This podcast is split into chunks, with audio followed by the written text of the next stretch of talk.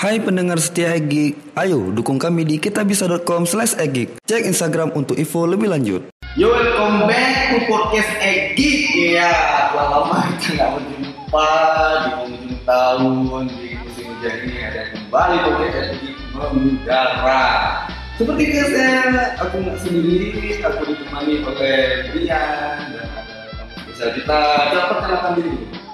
Fitra Fitra, Fitra dari dari mana nih? dari ekonomi siap. Dari ekonomi Indonesia. Oh, ya.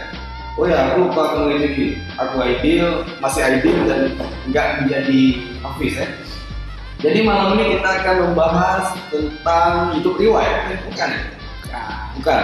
Kita bukan di bidang YouTube ya. Kita bukan di bidang itu. Kalau kita masuk itu kita harus berisi. Bukan, kita belum bisa masuk karena belum 1 M. Oke, kita belum punya subscriber yang besar. Jadi kita- bagusnya subscribe dulu. Oke itu nanti di ujungnya. Nah, jadi kita malam ini membahas tentang uh, rewind, tapi kita lihat rewind startup startup teknologi tahun 2018 nih. Nah, tunggu dulu. Kita tahu nggak startup apa?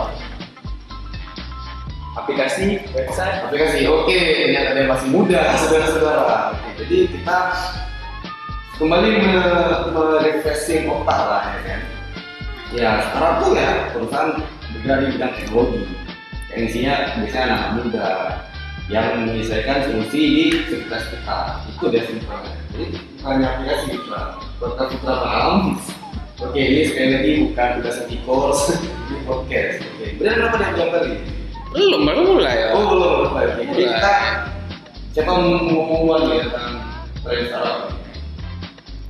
Brian dulu lah, dulu lah. Ya, Oke, jadi ini kita bicara startup, kita baca dari data dulu. Kita by data sekarang 2019 by data sekarang. Jadi kita dapat eh, apa? Riset dari Daily Sosial nih, dia udah ngeriset sekitar 142 startup lokal ya, startup Indonesia. Jadi kita lihat ada berapa nih?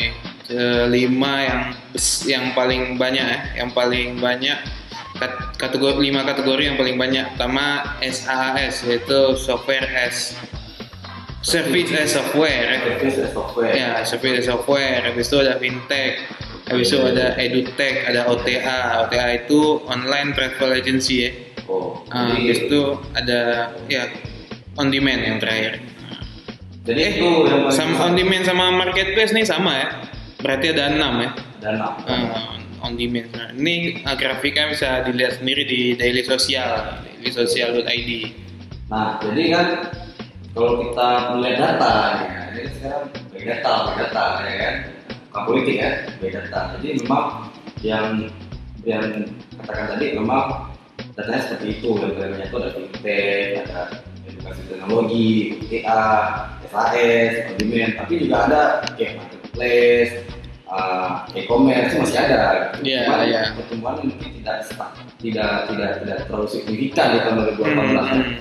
apalagi kalau pandanganku di tahun 2018 ini yang paling booming itu fintech Iya, iya, iya. jadi di mana mana tuh bayaran itu pakai aplikasi gitu Iya, iya. OVO, Grab ya. pernah pakai Fitra pernah pakai nggak? Layanan fintech? Ah, untuk yang fintech belum. belum kan belum kan ada ada HP smartphone? Oh ada. ada isinya apa? Isinya ya mobile apa analog? oh PUBG Mobile. Yes. masih muda kali ya ya. Oke jadi kita uh, bahas satu nih. Jadi sa- sa- uh, pertama kita bahas dulu sebenarnya yang ingin kita tanyakan masih uh, masih hype nggak sih uh, waktu, uh, startup di Indonesia ini masih masih ada nggak orang yang membuat startup di Indonesia? Jawab. Kan ini dari eh, apa? Dari riset si Daily Sosial ini memperlihatkan bahwa ini 142 startup lokal baru kan. Berarti kan Tokopedia, Bukalapak, Gojek dan kawan-kawan itu nggak masuk ke sini. Ini berarti kan baru. Berarti kan eh, hype-nya tuh ada di kira-kira di fintech, edutech, SAS ini. Tapi kalau kuliah nih SAS udah kayak apa ya software house gitu jadinya. Ya sebenarnya banyak akhirnya ujung-ujungnya kayak pihak ketiga kerja sama sama si pemilik software itu untuk membuat satu software lain. Iya, iya. Jadi kayak software house ya. Hmm. Uh, kalau kita ngomongin uh, yang paling asik kita ngomongin sih sebenarnya 2018 ini uh, fintech. Uh, dan se- sejujurnya sampai sekarang aku nggak melihat ada regulasi yang jelas tentang fintech. Mau kalaupun ada memang nggak bakal terjadi ada uh, tragedi-tragedi penipuan fintech, gitu, kelalaian-kelalaian fintech, gitu kan. Hmm. Salah satunya kayak kemarin itu kasus yang paling terkenal uh, apa ya rentetan pinjaman online berujung uh, berujung Mau tuh. mau berujung mau berujung mau hampir mau Hmm. dan kekerasan gitu ya karena sebenarnya gini uh, boleh orang bawa fintech tapi yang konsumen dan customer pengguna fintech itu seharusnya juga diedukasi oleh Iya. pemerintah gitu. Jadi jangan wah bagus nih fintech satu dua tiga empat lima enam sepuluh gitu ya yang pakai nggak ngerti sebenarnya apa Iya, maksudnya masyarakat pun harus aware karena bis, kok mudah kali bisa dapat nih dengan syarat yang sangat minim gitu. sedangkan fintech itu sendiri kan nggak pernah membeberkan dari mana uh, perputaran dana mereka Iya. gitu kan. Mungkin itu jadi secret perusahaan ya. Uh, tahu lah kita. Cuman yang terpenting di sini adalah uh, fintech sebenarnya juga harus mengedukasi para penggunanya gitu. Jangan ada kejadian-kejadian di uh, waktu-waktu lalu ya. Kita kan booming di sosmed di pertelevisian nasional Hmm. kontrol. Jadi eh, kita mau mulai. Dari ini kira-kira menurut Fitra yang paling menarik di apa nih? Di kategori apa nih? Yang paling menarik ya e-commerce karena baru Harbolnas ya. Oh, oh ada belanja mulai nggak? Enggak ikuti ikuti apa ikuti tren aja. Jadi, eh, kayak mana tuh? Aku aku aku nggak pernah belanja jarang belanja belanja e-commerce kan? karena kebutuhan aku sehari itu cuma dua puluh ribu kan. Oke oke oke. Jadi, Bagi-bagi yang intinya lah. Eh, apa tuh namanya? Kalau misalnya Harbolnas tuh gimana? Saya, kan bisa jelasin Harbolnas tuh apa sebenarnya? Kan sering tuh ada sale, flash sale gitu itu memang cara trik marketing di e-commerce-nya atau memang harganya memang murah? Gimana jawabannya? Coba ya, coba bisa menjelaskan. jadi kan sebenarnya ada sebelum ada e-commerce di Indo kan ada di Amazon dulu kan, habis itu Ah, Alibaba iya. kan. Jadi sebenarnya ketika masa itu kan belum ada Harbolnasnya Amazon atau apa gitu hari belanja online di Cina. kan. Tapi ketika itu kan selalu ada event kalau di itu Natal, Thanksgiving, Black Friday, Boxing Ya. Day, ada kalau di Cina hari apa Imlek dan kawan dan lain-lainnya hari perayaan mereka. Kan dari hari dari apa dari apa tuh eh, budaya belanja budaya memberikan hadiah.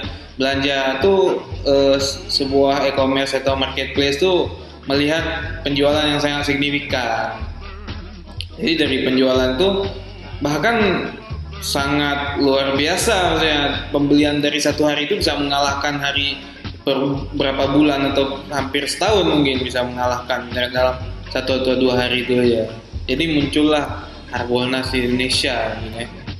Cuman kalau kita sih dengan Harbolnas tuh kayak diskon besar-besaran gitu. Hmm. Jadi sebenarnya ada ada arti tersendiri ya. Siapa yang kali buatnya gitu ya. Iya, iya. Ah, jadi kalau kita udah ngomongin tadi misalnya um, enam tren startup yang sedang berkembang lah di tahun 2018 ini. Ah, tapi menurut data aku juga melihat ada startup dengan teknologi baru gitu kayak artificial intelligence dan ah, blockchain mungkin juga mungkin ada juga machine learning gitu kan Iya, ini ada IoT sama apa virtual reality juga nih. virtual reality gitu kan. Jadi sebenarnya eh, masa depan kalau kita bilangnya perusahaan teknologi di bidang artificial intelligence itu punya masa depan nggak sih kalau kita buat begini? Ya sebenarnya kita nggak perlu ngelihat artificial intelligence dari segi sebesar sebesar Skynet atau Terminator ya yang ini ya. Tahu sih Nggak tahu. Aduh, mudah kali ya. ya. Masih muda. Ah, nggak apa-apa. Kita ajarin. Nah, jadi kita ngelihatnya dari sisi positif aja seperti memudahkan pekerjaan manusia. Bahkan kalau yang udah beli beli bisa beli drone-nya DJI itu kan DJI bisa nge-follow ini, nge-follow waktu kita lagi jalan. Jadi kita nggak perlu eh, apa nge-track apa kita diri kita sendiri pakai remote. Jadi tinggal kita apa pinpoint aja muka atau badan kita ketika ketika bergerak itu apa drone-nya bakal ngikut. Itu kan apa AI secara minimal lah. Nanti kan ke depan akan ada perkembangan yang lebih bagus. Sebenarnya yang paling simpel AI itu yang sangat membantu tuh Google Translate Google Translate. Hmm, yang semua orang menggunakan. Google Assistant. Ya, Cortana. asisten kan Cortana. Tapi kan Cortana asisten tuh nggak semua menggunakan. Nah, Kalau aku sih pakai juga tuh. Karena ada terselubung mungkin maksud dari si si. Itu elit global. elit global. Tapi kan kalau translate itu nggak ada hubungan sama elit global atau pengalihan isu atau apa. Translate itu kan maksudnya tetap menerjemahkan bahasanya ke bahasa yang natural ke itunya. Nah, juga ada yang menarik di 2018 nih. Kalau kita ngomongin teknologi atau tren startup gitu. Di awal-awal tahun kan sempat booming-boomingnya itu cryptocurrency, Hmm. Steemit, ya kan? Apa Ethereum. Nah, Ya. itu tapi makin kemarin kuliah kayak kayak udah tenggelam gitu, kayak nggak kayak Iya. nggak booming lagi. Jadi kayak kayak kisah batu giok pada masanya. Nah itu aku mau bilang itu sebenarnya. Jawabannya sebenarnya itu sebenarnya. kisah giok. gitu. Nah, nah, sebenarnya terlalu ya itu kan di hukum hukum ekonomi ada supply and demand kan. Nah, Nah, demandnya banyak tapi supply-nya juga banyak ya sama aja. Cuma hype sebentar tapi hmm, gimana caranya? Maunya kan kemarin batu gio jangan sampai anak-anak kecil pun pergi jual batu gio. Jadi yang supply-nya juga kelebihan. Harga batu gio ya hancur gitu. Ya, jadi memang pada awal mulanya Steam itu dijadikan orang-orang yang suka menulis tuh untuk dapetin apa uang gitu kan. hmm.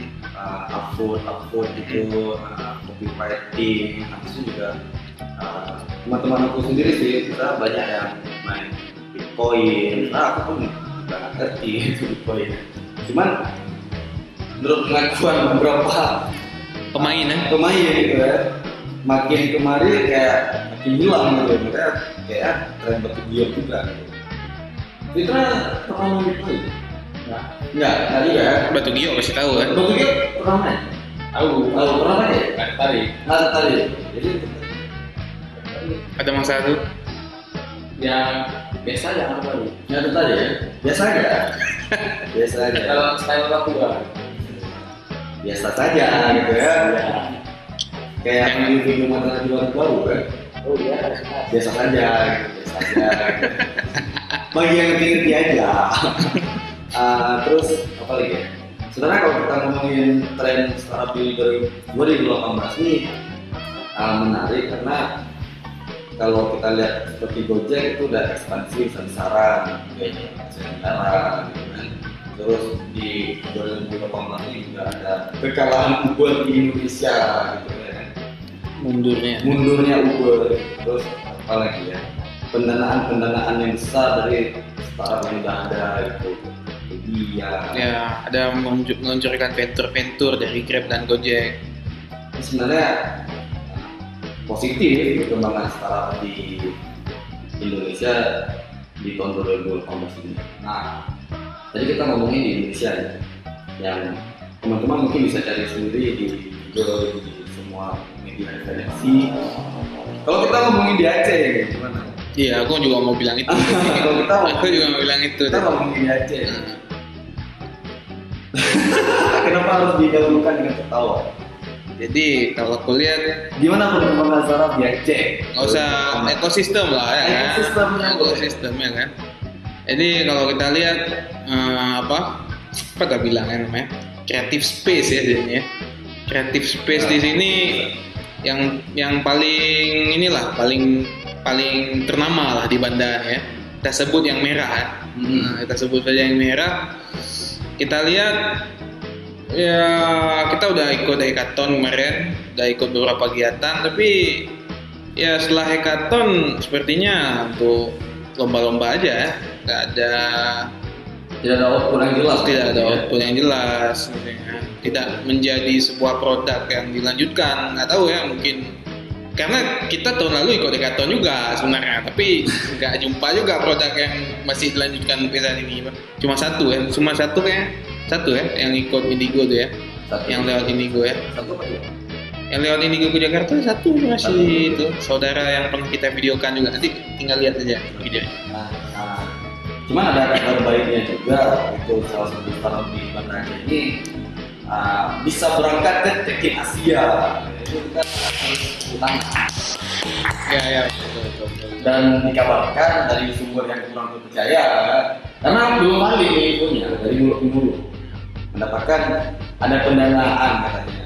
I, apa ini eh, apa didekati. Ah didekati oleh salah satu venture Asia yang terkenal gitu kan. Jadi kita doakan saja semoga uh, softbank. Softbank kita doakan saja semoga uh, berhasil bisa bisa scalable bisnisnya gitu. Kita, doakan. kita, kita sesama anak bangga support harus saling support. Ya, betul. Kita harus saling bangun bangun sikap menyikut gitu. apa benar itu Fitra? Ya sangat benar. sangat benar ya? Fitra ini jangan malu malu sebelumnya kita udah pernah ikut podcast ini nggak? Belum. Apa rasanya setelah ikut podcast ini? Ini baru mulai Ya gimana? Susah juga kalau kita kata. susah diungkapkan kata-kata. Sangat filsuf ya Fitra dulu nah ada juga nih di gimana? eh, kan lokal ya cerita lokal masih kita lokal. Nah, ini ada startup kita yang kebetulan foundernya orang Aceh. Walaupun mulainya nggak di Aceh, alhamdulillah sudah ke Amerika ya. bisa diceritakan nggak siapa Itu jadi Masyara abang kita Roni Febrian ya sudah ke Amerika. Ini lagi di Amerika nih bulan Desember. Ya kirim salam ya buat kita tepuk tangan lagi buat teman-teman yang kamu belum biasa kita bisa kita bisa. Bukan tiga. Oh, bukan, bisa, oke bisa, tiga. Cuma lihat nasinya ada dua, astagfirullah, siap. nasi kota gue ya. Oke, itu itu Rian, saudara. Oke, bukan saudara ini. Di bulekat di dalam kota gue. Oh ya siap, siap.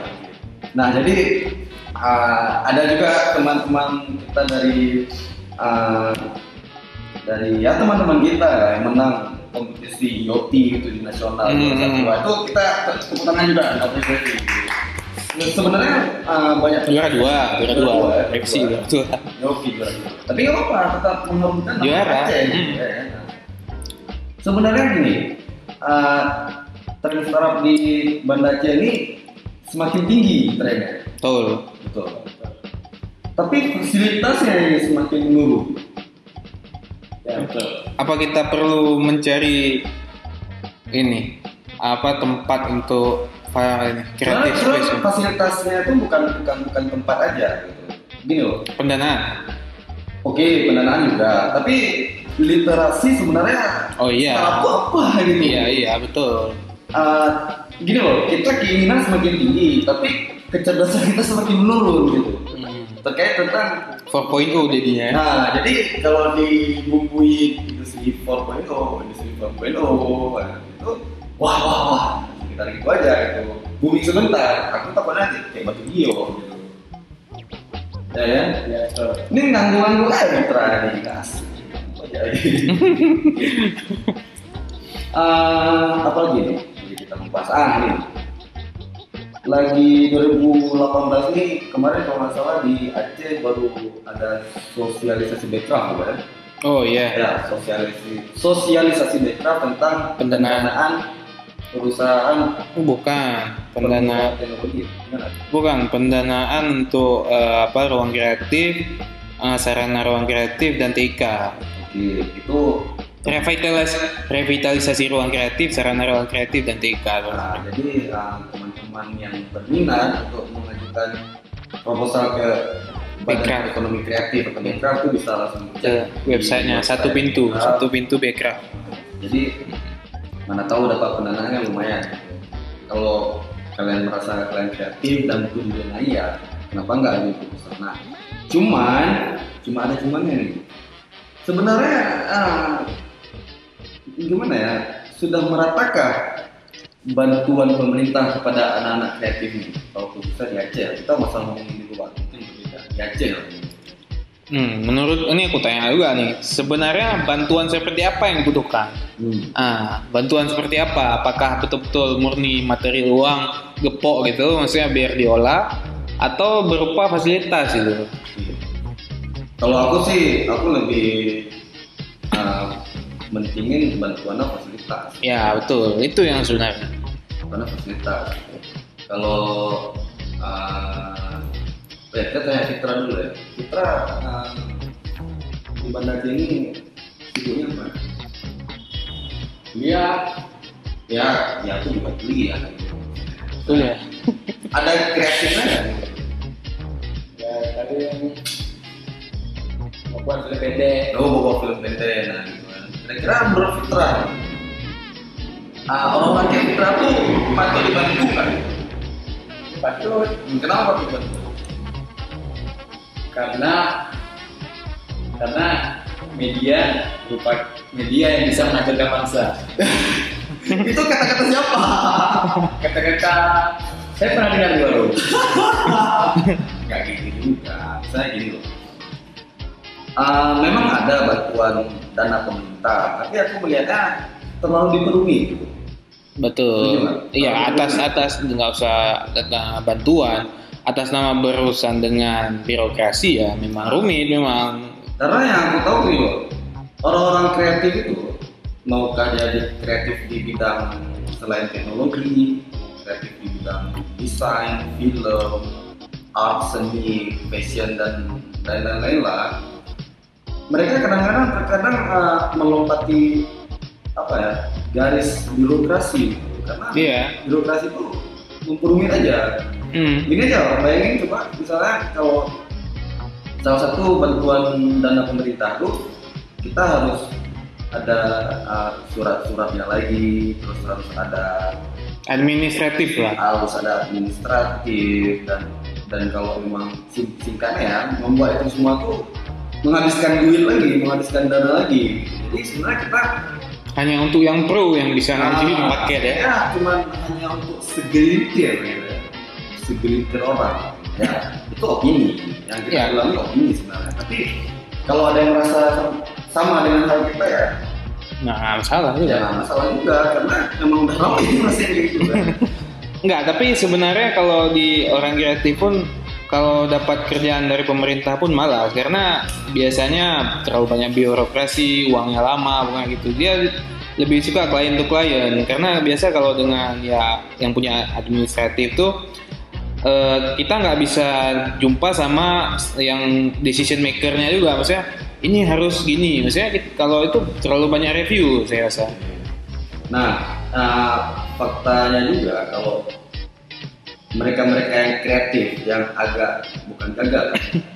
ketika mereka melakukan hal yang kreatif, eh, melihat yang mereka lakukan itu stagnan gitu, gitu aja, gitu. otomatis kan karena nggak ada pemasukan banyak tes kerja. Hmm, ya kan? ya itu nggak masalah juga Nah, karena di sini kayak gitu memang nggak ada pilihan lain Jadi, tapi kalau kita lihat yang melamar CPNS tahun ini itu oke. sangat besar gitu ya. ini ini Bandari Wine juga termasuk Bandari Wine? Bandari Wine juga ada uh, tragedi tes CPNS yang membludak gitu. Terus uh, di awal-awal sempat mendengar kabar uh, tidak siap ya kayak nggak siap nih negaranya. Memang udah udah udah selesai tes CPNS-nya.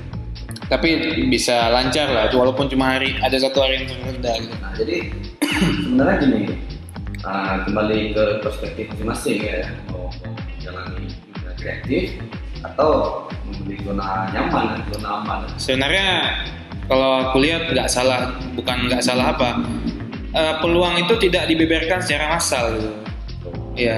Iya, karena gini orang ya orang bias ya semoga dengan ada kayak media kayak Gig dan mungkin semoga lebih banyak lagi media kayak ini membeberkan bahwa ada opportunity lain selain CPNS gitu dan ba- sayangnya mungkin eh, kawan-kawan di sini yang sudah bermain di dunia ya dunia global mungkin main YouTube, main desain online, Envatu dan kawan-kawan ya cuma di lingkungan dia maksudnya lingkungan dia yang itu Karena masih banyak menganggap gini loh, kalau nggak seragam kayaknya pengangguran. gitu.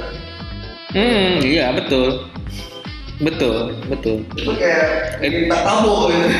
ya itu ada dua faktor mungkin dari dia sendiri dan dari keluarga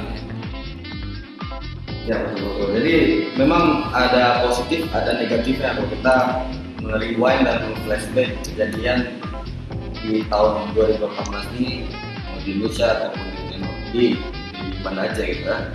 Ah, tapi sebenarnya concern terbesar aku ya tetap itu Ah, orang-orang yang bergelut di dunia kreatif itu tidak mendapatkan dukungan maksimal iya tidak ada gini mereka melihat ini bukan hal yang menjanjikan seperti hackathon kemarin aku bukan apa yang bilang ya Iya. maksudnya ya Kemarin, ya. Ah, Iya iya iya iya. buka-bukaan. Saya saya saya hadir di dua hackathon yang berbeda. Oke, saya ah, buka-bukaan aja ah, buka-bukaan aja nih ini opini sekali lagi podcast ini semua opini memang kalau ada yang bertentangan nggak apa-apa itu hak demokrasi ya kan jadi kita ngomong berdasarkan fakta Data, data. data dan fakta jadi ah, ada teman saya kemarin itu ikut salah satu lomba lomba di ya katakanlah pemerintah yang ada ya. Ah, mereka juara satu mereka juara satu Ah, Tahun ini ya, tahun ini, ini masih 2018 nih. Nah, tahun 2018 ini teman kami ikut satu lomba yang diadakan salah satu uh, pemerintah dan mereka juara satu. Uh, mereka juara satu ya karena memang apa yang mereka buat ya kemarin itu yang mereka buat itu sebuah sistem aplikasi yang memang itu sangat berguna gitu. Dari dari fakta-fakta yang sudah ada. Bukan bukan karena gimana ya bukan karena ikut-ikutan atau ini tren bukan ini memang sangat diperlukan. Kalau nggak salah nama aplikasinya itu DCP Iya. salah satu teman kami yang buat ya. nah jadi memang setelah mereka juara satu sampai sekarang tidak di develop gitu Padahal kalau saya lihat dari desain aplikasinya cukup simple ya. cukup simpel Cukup sangat simple. membantu. Nah, sangat bantu. Mungkin dibilang aja Dil. Jadi mungkin ada orang-orang yang kreatif di Banda ini bisa kita buat ya kaukusnya ini ya. jadi setelah ah, itu itu masih bagian kecil coba bayangin ada ada 100 orang yang seperti itu mereka berusaha untuk ah, memberikan inovasi baru kepada kota mereka memberikan ide kreatif mereka sebagai anak muda tapi idenya itu seperti udah sampai sebatas gitu aja gitu jadi nggak ada output yang jelas jadi makanya kadang-kadang kalau ditanya sama orang kamu sih mengeluh aja kota kau gini, gini, gini. apa yang udah kau buat teman ke, ke kota kau misalnya ya kita kan bisa jawab udah banyak tapi nggak ada pernah diapresiasi Betul, betul, betul. Nah, jadi memang orang-orang seperti kami salah satunya masih melihat di 2018 itu pemerintah masih kurang aware uh, dan masih kurang peduli terhadap perkembangan uh, manusia-manusia kreatif di Banten. Iya, iya. Lalu yang paling terbesar uh, dampaknya itu malah peran swasta gitu. Hmm, iya, karena me- mereka secara swasta melihat yang penting uangnya. Karena mereka sadar ini tambang emas, sedangkan pemerintah masih secara apa ya konservatif mungkin. Nah, ini jangan dibawa ke politik ya kalau udah ngomong konservatif ini udah jangan jangan jangan. Enggak, jangan dianggap itu apa apa artinya ke politik pandangan itu kan sebenarnya tuh masalah prinsip. prinsip ya. Nah, jadi uh, di sisi terakhir di 2018 nih ada positifnya, ada negatifnya di itu di Aceh, di Banda Aceh khususnya juga sama gitu ya. Alhamdulillah banyak positif lah. Alhamdulillah tapi di Banda Aceh 2018 perkembangan tren teknologi kreatif startup dan lain-lain semacamnya itu trennya positif. Banyak kawan sudah tembus nasional, internasional lah salah satu. Gitu. dan ada banyak anak Aceh Aceh berkarya di luar Aceh. Nah, harapannya nih untuk 2019 nih, Banda Aceh menjadi apa? Sebenarnya udah kita buat lombanya kan, cuman mungkin para pendengar nggak sampai beritanya. Jadi uh, kami kemarin itu pernah membuat sayembara Banda 2019 Banda Aceh jadi apa? Sebenarnya kami harapkan itu simple. Uh, perhatikanlah anak-anak muda kreatif yang bergelut di bidang teknologi kah, di bidang musik kah, seni atau usaha kreatif, bisnis kreatif, digital semuanya deh. Karena gimana ya kalau kita ngomongin uh, pertumbuhan ekonomi itu menurun, menurun, menurun, tapi ya apa solusinya gitu? Solusinya yang paling mudah ya gerak, gerakkanlah anak muda ini, bantulah anak muda ini untuk mencari pasarnya, untuk mengembangkan bisnisnya gitu. Jadi dan satu lagi nggak nggak terlalu dilibatkan dalam urusan birokrasi yang wah merajalela gitu. Hmm. Sedikit-sedikit harus ini, sedikit-sedikit harus ini, jadi susah gitu. Kalau kita lihat di luar gitu, memang memang beda beda beda budaya gitu. Cuma kalau kita lihat di Pulau Jawa aja deh, eh, pemerintah sama manusia-manusia kreatif nih itu kayak kayak jadi dulu sama jadi tengah gitu dekat Iya. gitu. Apa? Sebagaimana Nabi dengan anak yatim. Ah, sebagaimana Nabi Maya itu gitu ya. Kalau di Aceh ini pemerintah sama anak muda kreatif tuh kayak lambang metal gitu ya, jauh gitu. Ada ada terpisahkan jarak ya. Setuju nggak Mitra? Setuju. Setuju. Ngomong sekali sekali ya, saudara. Jadi eh, harapan konkret Fitra di 2019 Banda Aceh menjadi apa? Aceh lah. Aceh oke lah. Semoga ada anak-anak muda Aceh yang bisa berhasil dengan sebuah startup. Berhasil mengharumkan nama Aceh. Masa masa depan jauh di mata internasional, di mata Indonesia loh. Oke. Kalau Brian gimana? Hmm, 2019 Banda Aceh punya mindset yang literasi yang bagus lah tentang startup ya kan. Kita kan bicara satu tahun tuh sebenarnya kalau Fitra bilang em, di mata Indonesia mungkin bisa jadi startup itu maju di Indonesia maju memang. Di Aceh di rumah sendiri nggak ada yang tahu kan.